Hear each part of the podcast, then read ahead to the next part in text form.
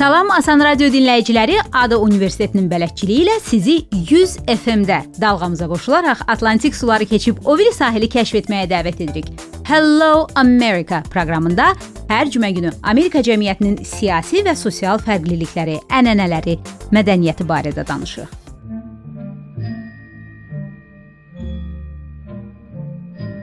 Vətənləri tarixi İpək yolunun üzərində yerləşən Azərbaycanlılar əsrlər boyu ticarət, müasir dildə desə isə, biznesi öz ənənəvi peşələrindən biri kimi görüblər. Amerikalılarla bu mənada oxşarıq. Bəs görəsən tarixi Azərbaycandan qat-qat gənc olan Birləşmiş Ştatlarda insanları biznes qurmağa nə həvəsləndirir? Ada Universiteti bu gün Amerika iqtisadiyyatının bel sütunu hesab olunan kiçik sahibkarlıq barədə rəy verir.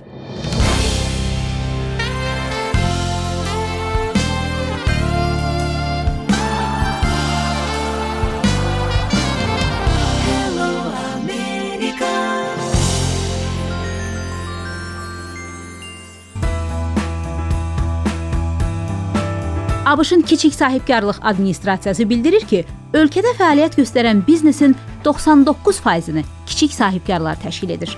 Amma kiçik onun yalnız adındadır, çünki ölkə iqtisadiyyatına təsiri şübhəsiz böyükdür. Məşğulluq göstəricilərinə görə Amerikalıların 55%-i ya özləri kiçik sahibkardılar, ya da belə biznesdə işləyirlər. Son 15 ildə ölkənin məşğulluq bazarında yaradılan 64% iş yerləri məhz kiçik biznesin payına düşür. Daha konkret desək, bu gün Amerikada mövcud 3 işdən ikisini kiçik sahibkarlıq sahəsi yaradıb. Fermerlərdən tutmuş mexaniklərədək, həkimlərədək kiçik sahibkarlıq hər yerdədir. Birləşmiş Ştatlarda hər ay orta hesabla 543 min yeni biznes təsis olunur. Əlbəttə ki, hər bir yaradılan kiçik biznes dərhal böyük maliyyə uğruna çevrilmir. Əslində kiçik sahibkarların 86%-i ildə 100 min dollardan az gəlir əldə edirlər. Müasir Amerika yaşayış standartlarını nəzərə alsaq, bu o qədər də yüksək rəqəm deyil. Doğrusu statistika göstərir ki, açılan bizneslərin yarısından çoxu 3 ildən çox davam edə bilmir. Amma bunların arasında uğur hekayələri Amerikan xəyalından biri olan sahibkarlığı hələ də yaşadır. I wanna be a billionaire so freaking bad Buy all of the things I never had I wanna be on the cover of Forbes magazine Smiling next to Oprah and the Queen Oh, every time I close my eyes I see my name in shining lights. Yeah, a different city every night. Oh, I, I swear the world better prepare for when I'm a billionaire. Kiçik biznes kimi başlanan bəzi adlar sizə də bu gün dünya biznes nəhəngləri kimi çox tanışdır. Həyatınızı onsuz təsəvvür etmədiyiniz populyar sosial şəbəkə Facebook. Bir tələbənin 2004-cü ildə açdığı internet səhifəsindən yaradılıb. Məqsəd universitet dostları ilə hərdən bir soraqlaşmaq idi. Daha bir sosial media nəhəngi YouTube. Dostlarla videoları paylaşmaq üçün veb səhifə ideyası kimi başlamışdı. Biraz tarixdə geri saysaq, 1923-cü ildə Walt Disney şirkəti öz biznesini uşaqları əyləndirmək üçün qısa cizgi filmləri çəkmək məqsədi ilə evində açan bir rəssam animatordan başlamışdı.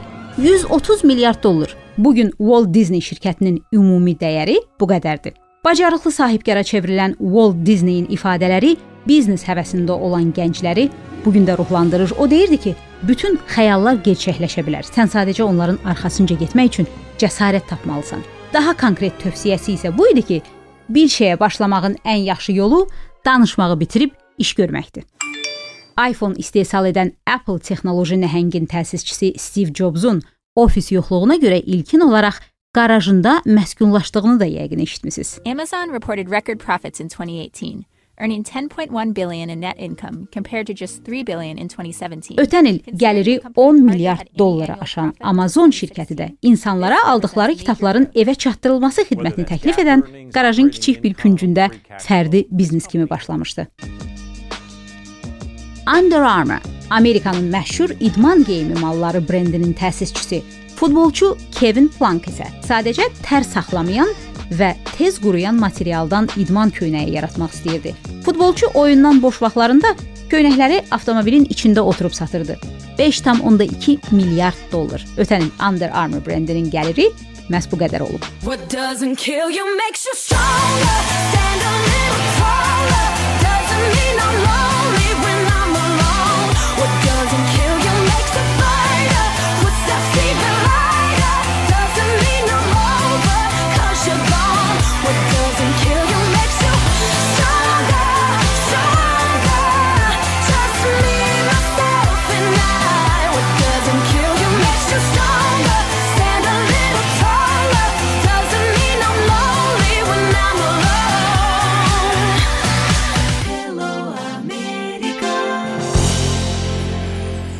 ABŞ-da kiçik sahibkarlığa böyük dəstək var. Bunun arxasında siyasi və iqtisadi səbəblər durur. Hökumət öz tərəfindən bu bizneslərin yeni iş yerləri açmasında və uğurlu fəaliyyət göstərib büdcəyə gəlir verməsində maraqlıdır. İqtisadiyyat bütün Amerikan siyasi seçkilərinin mərkəz mövzusu olur. It's the economy, stupid! Hazırki Amerika prezidenti Donald Trump da seçki qabağı kampaniyasını sahibkarları dəstəkləməklə iş yerlərini çoxaltmaq vədləri üzərində qurmuşdu. I am officially running for President of the United States. I will be the greatest jobs president that God ever created. We're dying. We're dying. We need money. The American dream is dead.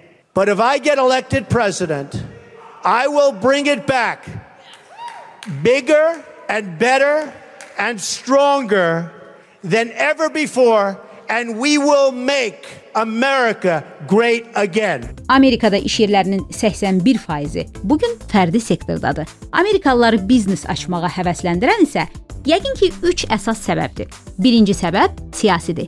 Kiçik biznes və ya startapın yaradılması Amerikan kimliyinə tam uyğundur. Bu azad olmaq və digərlərinin göstərişləri ilə hərəkət etməmək deməkdir.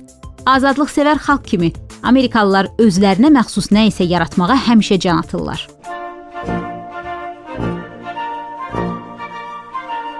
Öz qaydaları ilə yaşamaq ABŞ konstitusiyası tərəfindən də dəstəklənən həyat tərzidir. Ölkənin ali qanunu təbiət qanunları əsasında yazılıb. İnsan azad doğulur və özü istəməyincə heç kimin əmrlərinə tabe olmamalıdır. Bu gün konstitusiya tərəfindən təmin edilən azadlıqlar Amerikalıların kimliyinə dərin iz buraxıb. Bu səbəbdən çoxları biznesi ona görə açır ki, özləri özlərinin müdiri olsun. İkinci səbəb iqtisadidir. Qeyd etdiyimiz kimi kiçik biznesin həmişə böyük şirkətə, hətta korporasiyaya dönüşmək və böyük gəlirlər gətirmək ehtimalı var. Pul qazanmaq və rəqabətə qatılmaq da Amerika kimliyinin bir hissəsidir. İqtisadi azadlıqlar həmişə ABŞ hökuməti tərəfindən dəstəklənib. Bu da əhaliyə biznes açıb yeni iş yerləri yaratmağa əlavə motivasiya verir. Məsələn, federal və ştat səviyyəsində hökumətlər kiçik sahibkarları həm siyasi dəstəklə, həm də maliyyə resursları ilə daim həyatda saxlamağa çalışırlar. You don't have to feel like a wasted space. You're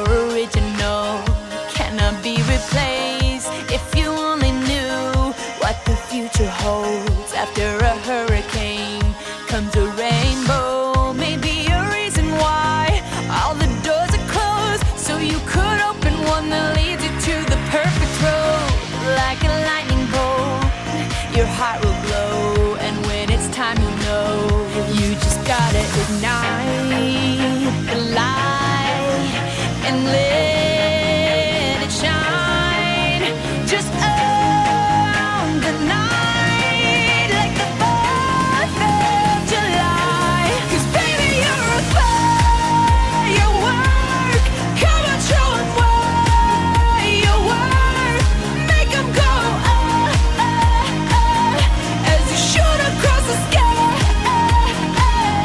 Amerikalıların biznes açmağa meylli olmasının üçüncü səbəbi isə şəxsi ehtirasdır. Çünki kiçik biznes və ya startap başlamaq o deməkdir ki, siz yenilikçisiz və bazarda indiyə qədər olmayan mal və ya xidməti təklif edirsiniz.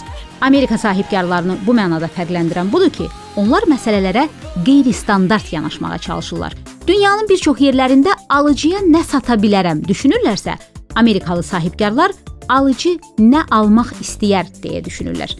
Müştəriyə yönəlik yanaşma kiçik bizneslərin böyük şirkətlərə çevrilməsinin əsas səbəbidir. Məsələn, fast food kralı McDonald's. İlk restoran idi ki, alıcılara avtomobildən enməyərək yemək almaq imkanı təklif etdi. Zaman hələ 1975-ci il idi. Arizona ştatında iki qardaşlar Dick və Mac McDonald'slar tərəfindən başlanılan biznes anladı ki, çox sayda insanlar restorana vaxt keçirmək üçün yox, sadəcə yemək almaq üçün gəlirlər. Drive-thru avtomobildən enmədən müştərilərə yemək sifariş vermək imkanı yaratmaq McDonald's-a qeyri-adi populyarlıq gətirdi. Bu gün elə bir fast food biznesi yoxdur ki, onun drive-thru xidməti olmasın. Bu xidməti təklif etməsələr, yəqin ki, biznesdə uzun müddət qala bilməzlər. Gördüyünüz kimi McDonald's qardaşlarının müştərinin ehtiyaclarına uyğun xidmət göstərmək istəyi bu gün fast food biznesinin az qala aksiomuna çevrilib. Kiçik sahibkarlığın uğurunu təmin edən düsturun başqa hissələrində nə var? Biznes təhlilçilərinə görə burada 4 amilə fikir vermək lazımdır. Müştəri dəyərini anlamaq, yəni mal və xidmətləri müştərilərin ehtiyaclarına uyğun hazırlamaq. Əksinə deyil, mal və xidmətlərinizə uyğun müştərilər axtarmamaq. Qeyri-müəyyən müştəri kütləsi üçün hazırlanan məhsullar heç kimə fayda vermir. Ona görə də hansı konkret müştəri təbəqəsi ilə işlədiyinizi aydın bilməlisiniz. İkincisi, hər müştərinin istəklərini nəzərə almağa çalışaraq mal və xidmətlərinizin yeni həlləri barədə düşünüb ortaya yeni məhsullar qoymaq. Müştərilərin nə istədiyini davamlı olaraq öyrənmək, dəyişən zövqlərə uyğunlaşmaq. Və ən vacibi biznes modelini daim təkmilləşdirmək. Hamar, səmərəli əməliyyatlar, möhkəm komanda işi daha çox gəlir deməkdir. Anladığınız qədər sahibkar olsanız belə müştərilərinizi öyrənməkdə onların istəyini aydınlaşdırmaqda ev tapşırığınızı daim etməlisiniz. Bunu biz sizə yalnız ADO Universiteti bələdçiliyi ilə radio proqram olduğumuz üçün demirik. Biznesdə tədqiqatın istifadə olunması, elmi yanaşma qurduğunuz işin aqibətini dəyişdirə bilər. Amma bu barədə növbəti proqramlarda. Gələn cümə görüşənədək.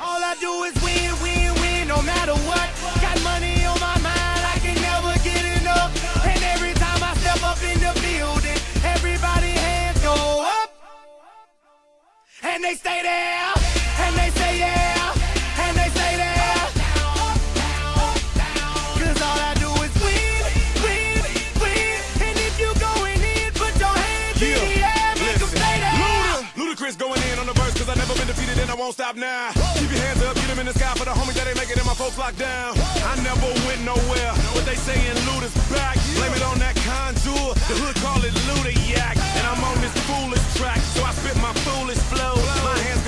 and down like strippers' booties go. My verses still be serving, tight like a million virgins. Last time on a college remix, now I'm on the original version. Can't never count me out, y'all better count me in. Got 20 bank accounts, accountants count me